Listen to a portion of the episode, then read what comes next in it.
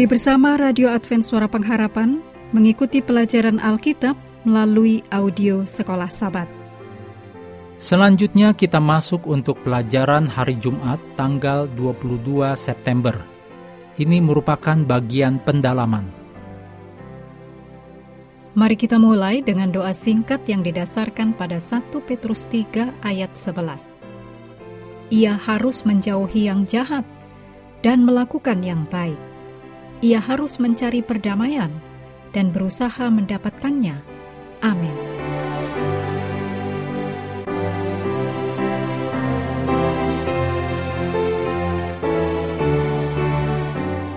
Berikut ini kutipan dari tulisan Ellen G. White, Spalding and Megan Collection, halaman 121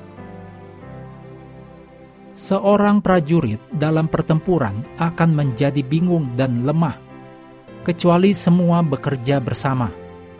Jika para prajurit bertindak menurut ide-ide dari kehendak mereka sendiri, tanpa mengacu pada posisi dan pekerjaan masing-masing, mereka akan menjadi kumpulan butir yang berdiri sendiri.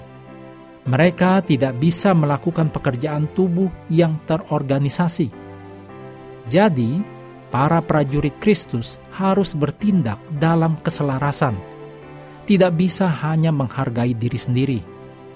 Jika mereka melakukan atau keselarasan ini, umat Tuhan akan berada dalam keselarasan yang sempurna, satu pikiran, satu tujuan, dan dikuduskan untuk satu maksud besar. Akan menemukan tidak ada upaya-upaya mereka yang tidak membuahkan hasil, dan tidak ada waktu dan kemampuan mereka yang terbuang. Persatuan adalah kekuatan. Beberapa jiwa yang bertobat bertindak dalam harmoni, bertindak untuk satu tujuan besar, di bawah satu kepala, akan mencapai kemenangan di setiap pertempuran.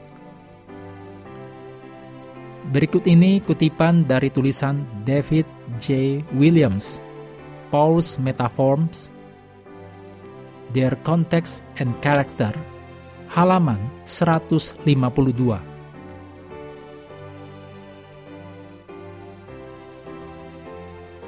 Apa hal yang khusus untuk Paulus menamai dirinya utusan yang dipenjarakan? Yang ditulis dalam Efesus 6 ayat 20 utusan sering memainkan peran yang menantang selama masa perang, sehingga deskripsi diri Paulus sesuai dengan konteks kiasan militernya. Utusan harus diperlakukan dengan hormat karena oknum atau negara yang mengirim mereka. Jadi, ada perbedaan mencolok antara status Paulus sebagai utusan penguasa tertinggi alam semesta dan rasa tidak hormat yang ditandai oleh penjaranya secara harfiah, yaitu rantai. Namun, karena utusan akan mengenakan rantai jabatan, penyebutan Paulus tentang rantai mungkin dibumbui dengan sindiran di mana ia melihat rantainya sebagai hiasan yang harus dikenakan sebagai tanda kehormatan. Berikut hal-hal untuk diskusi. Yang pertama, di dunia yang terpecah dan berperang, apakah artinya bagi kita dan jemaat untuk mengobarkan perdamaian?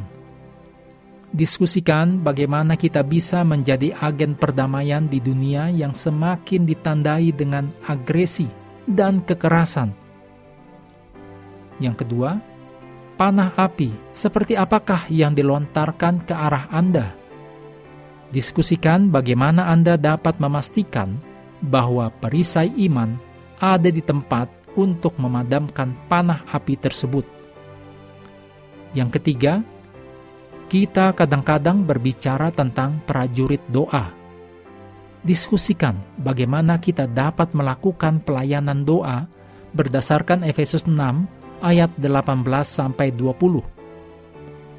Yang keempat, bagaimanakah kita harus memperlakukan mereka yang terluka di medan perang pertentangan besar? Diskusikan bagaimana seharusnya kita memperlakukan orang percaya Kristen yang dalam panasnya pertempuran melarikan diri karena ketakutan atau secara terbuka menyerah kepada pihak lain. Mengakhiri pelajaran hari ini, mari kembali ke ayat hafalan Efesus 6 ayat 16 dan 17. Dalam segala keadaan, pergunakanlah perisai iman, sebab dengan perisai itu kamu akan dapat memadamkan semua panah api dari si jahat, dan terimalah ketopong keselamatan dan pedang roh, yaitu firman Allah. Kami terus mendorong Anda bersekutu dengan Tuhan setiap hari melalui renungan harian, pelajaran Alkitab sekolah sahabat, bacaan Alkitab sedunia, percayalah kepada nabi-nabinya, yang untuk hari ini melanjutkan dari Mazmur pasal 139. Tuhan memberkati kita semua.